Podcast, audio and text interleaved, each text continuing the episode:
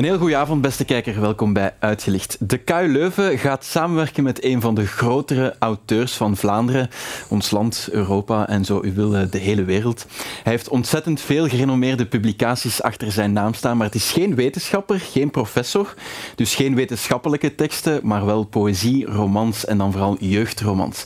Ik heb het over Bart Moejaert, de bekroonde jeugdauteur, die vanaf dit academiejaar writer in residence is bij de KU Leuven. Goedenavond.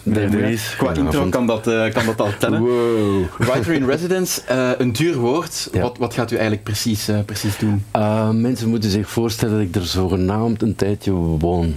Of een tijdje de, de schrijver ben die er aan huis komt om bijvoorbeeld een aantal studenten, die konden zich inschrijven door een verhaal te schrijven, bij mij les te volgen gedurende, mm -hmm. ik denk, een vijftiental sessies. die moeten nog beginnen die studenten moet ik nog leren kennen. Ik heb ze alleen maar per mail. Uh, tenminste, ik heb mezelf voorgesteld per mail. En verder zijn er een aantal zaken waar ik uh, in overleg ben met de universiteit. Bijvoorbeeld, ze, willen, uh, ze vragen me om iets vakoverkoepelends voor te stellen.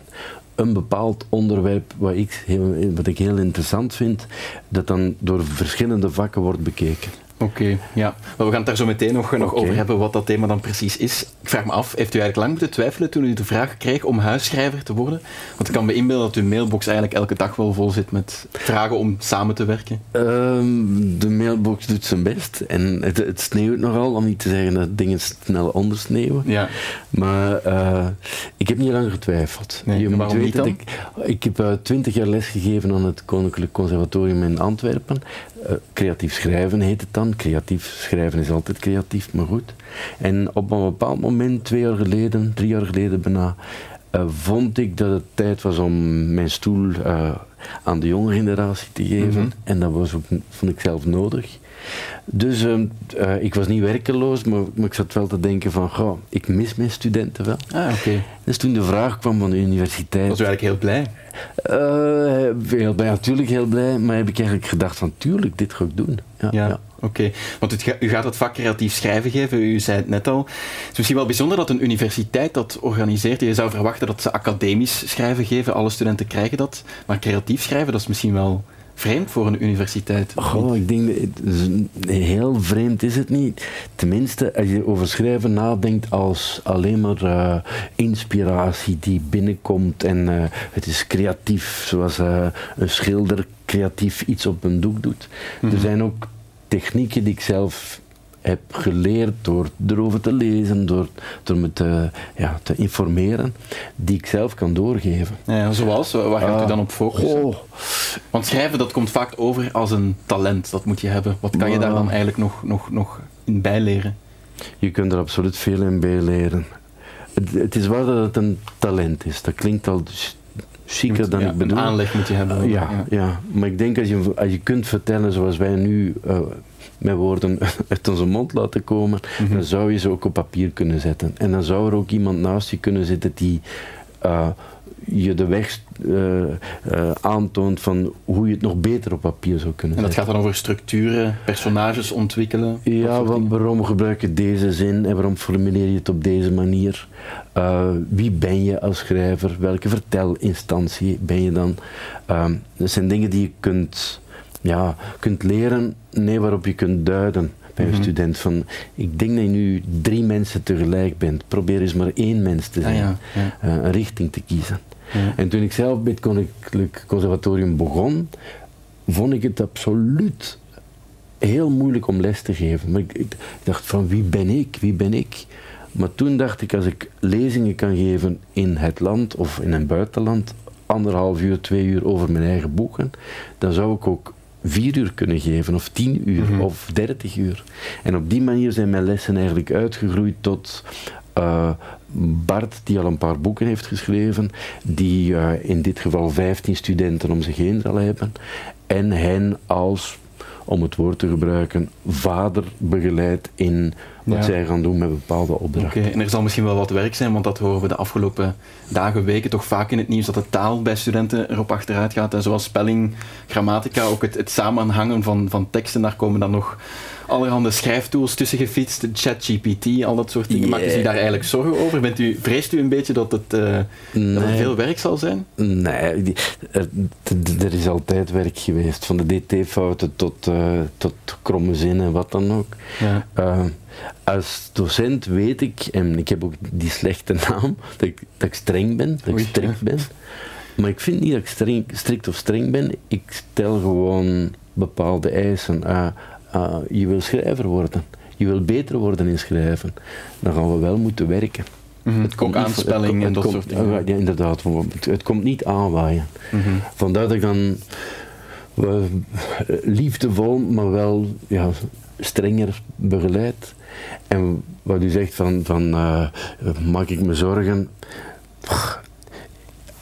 Het is niet mijn taak om mij zorgen te maken. Ik maar moet daar een idee over, neem ik aan als jawel, schrijver? Jawel, maar als schrijver doe ik wat ik zelf vind dat ik moet doen.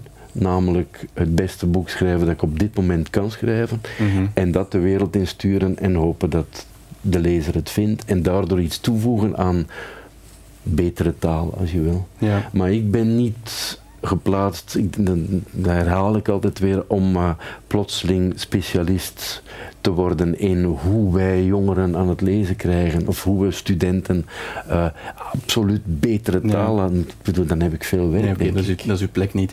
Ja. Um, nu, u, um, u zei het kort al, er is een bepaald thema waar u rond gaat werken. U heeft de studenten ook al wel een opdracht meegegeven, denk ik, hè, over dat thema? In verband met dat thema, jawel. Elke, Wat is het thema precies, om te, om te beginnen? Um, elke writer in residence mag een thema kiezen dat dus vakoverkoepelend wordt uh, behandeld, wat ik daarnet zei. Ik ben heel erg bezig geweest, door mijn, in mijn persoonlijk leven is er een vriend die ouder is, die uh, 12 medicijnen per dag neemt en het leven wel, nee, niet moe is, maar het heeft gehad. Het is voltooid. Het is voltooid. En ik vind het zelf heel heftig om over na te denken, maar tegelijk ook niet heftig, omdat ik begrijp dat het niet, dat het niet meer fijn is. Dat je denkt van het, het mag ophouden. Dus thema's als euthanasie of voltooid leven als je wil, daar wil ik het wel over hebben. En ik merk altijd weer in gesprekken dat mensen terugschrikken of vinden dat het, kom, uh, laat ons vrolijk zijn vandaag, blauwe lucht uh, moet er zijn. Dus ik dacht, ik wil wel eens vakoverkoepelend bekijken wat de universiteit daarvan vindt. Ja. Met alle tegenwerking en alle, alle ja, alle ja. pro's ervan. Want u gaat dat, u gaat dat vak uh, geven, creatief schrijven, maar los daarvan, wat, wat zit er eigenlijk nog allemaal in de pijpleiding? U organiseert al de, de, de boekenclub van de universiteit. Wat komt er zo de komende maanden? Wij als publiek, wat, wat kunnen we zo nog verwachten? Wel, er is één avond die de, uh, eind maart, 29 maart, plaatsvindt in, in Leuven, in Bibliotheek 2 Bronnen, over het onder, onderwerp wat ik net noemde, het voltooid leven, waar, waarover praten we als we over het einde praten. Mm -hmm. uh, een lastig onderwerp, maar we moeten het bespreken.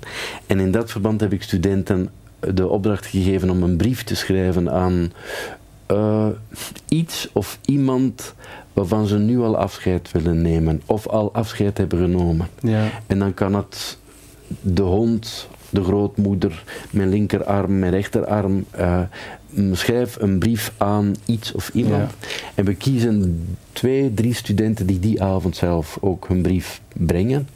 En dan komen uh, nog andere mensen lezingen geven op ja, die avond. En, uh, en, er is een andere avond gepland, de 4e mei. En dat vind ik altijd fantastisch om te vermelden. Maar ik vind het ook wel moeilijk, want dat is een avond over mij, over mij, over mij. Uiteraard. Ja, ja maar, uh, de, waarin Um, onder leiding van Sylvie Moors, die uh, verbonden is aan Bond Zonder Naam mm -hmm. en heel onderlegd is in uh, avonden over boeken en over lezen. Zij gaat in samenwerking met andere mensen mijn werk in uh, omspitten, uitspitten.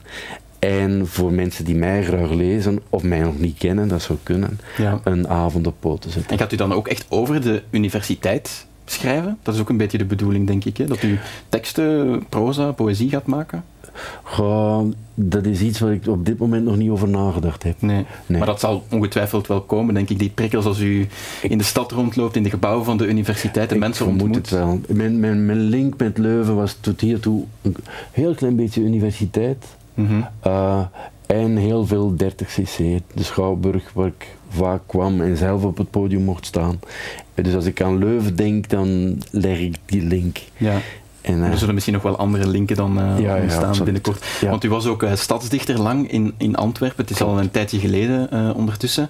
Ik hoorde nu op de radio daar heel um, boeiend over vertellen dat u dat heel belangrijk vindt dat er een stadsdichter is. Ja. In Leuven is er geen, hè?